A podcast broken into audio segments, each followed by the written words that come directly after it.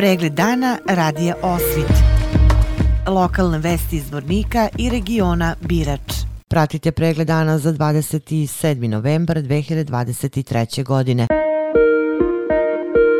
Promocija monografije Kino poeta Velikog Crnila koja je posvećena filmskom opusu Živojina Pavlovića održana je u Zvorničkom domu omladina u subotu 25. novembra.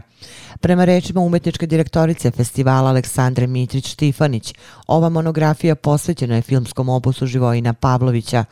Ona je naglasila da je vrlo značajno što je startovala i filmska škola prvog kadra u okviru koje se održava radionica animiranog filma. Štifanićeva je navela da je bilo veliko interesovanje za pohađanje ove radionice, što pokazuje da mladi zvorničani žele da se edukuju iz oblasti filma. Prema njenim rečima, animirani film jedno je od polja koji su sada u domenu istraživanja i na neki način otvara nova vrata za mlade stvaraoce. U takmičarskom programu u drugom terminu publika je imala priliku da vidi dokumentarni kratki film Jagorida Nebojše Ilića iz Vlasotinca, koji je uradio veoma interesantan film o tradiciji vinogradarstva u Vlasotinačkom kraju. Kako je istakla Štifanić u takmičarskoj selekciji Traganje u kojoj se takmiče regionalni igrani filmovi, prikazan je film Da li ste videli ovu ženu, reditelja Matije Gluščevića i Dušana Zorića. Moderator Jelena Radenović rekla je da joj je pripala čast 90-godišnjicu od rođenja reditelja Živojina Pavlovića predstavi knjigu o njegovom veličanstvenom stvaralaštu. Knjiga Kino poeta Velikog Crnila sastavljena je kao kompilacija od različitih tekstova raznih autora, glumaca, reditelja i ljudi koji su sarađivali i poznavali Pavlovića. Radenovićeva je autor filma Istok reka teče koji je sniman na Kosovu i Metohiji u kojem se govori o potrazi za dokumentarnom kratkim filmom o potrazi za porodičnom kućom i pokušaj da se sačuvaju sećanja iz detinstva. Instruktor animacije u školi animacije prvog kadra Zoran Stefanović rekao je da su u školu animacije koja se održava u okviru festivala uključeni učenici Zvorničke gimnazije.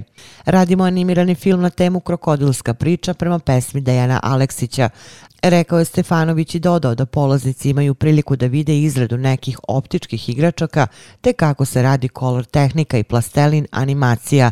On je naglasio da je ostvarena velika saradnja sa slikarskom radionicom Paleta izbornika, čiji su polaznici uključeni u radionicu.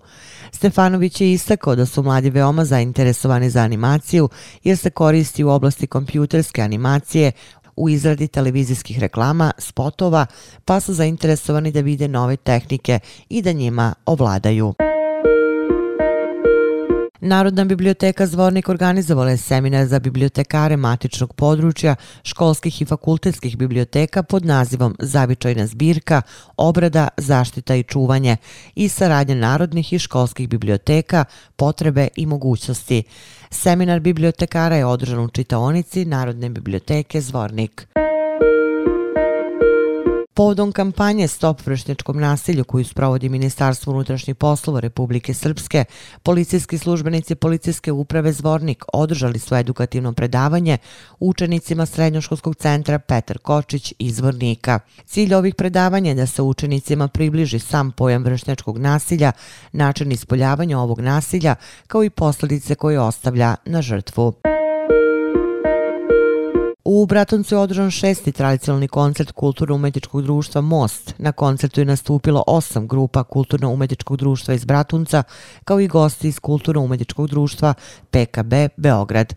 Prisustovali su i članovi prijateljskih društava iz Stare Pazove, Vlasanice Ljubovije, Bileće i Srebrenice. Kulturno-umetničko društvo Most je uručilo priznanje članovima koji su tu od početka rada, dakle skoro šest godina, a najveće priznanje pripalo je Arnaud Gujonu, direktoru Uprave za saradnju sa dijasporom i Srbima u regionu Ministarstva spoljnih poslova Srbije, koje će mu biti nakredno uručeno. Vesti iz Loznice. Tokom najkritičnijeg perioda pandemije COVID-19 po zaključku vlade Srbije, osam radnika je zaposleno u Malozvorničkom domu zdravlja, a od marta do novembra ove godine još toliko ih je dobilo posao u ovoj zdravstvenoj ustanovi na osnovu odluke Ministarstva zdravlja. Sa ukupno 16 novozaposlenih kolektiv je znatno ojačan, a u stalni radni odnos primljena su dva lekara opšte prakse, doktor stomatologije, zubni tehničar, dva laboranta, osam medicinskih sestara i tehničara, vozač i spremačica. Opširnije na sajtu lozničkenovosti.com. Pratili ste pregled dana za 27. novembar 2023. godine. Hvala na pažnji.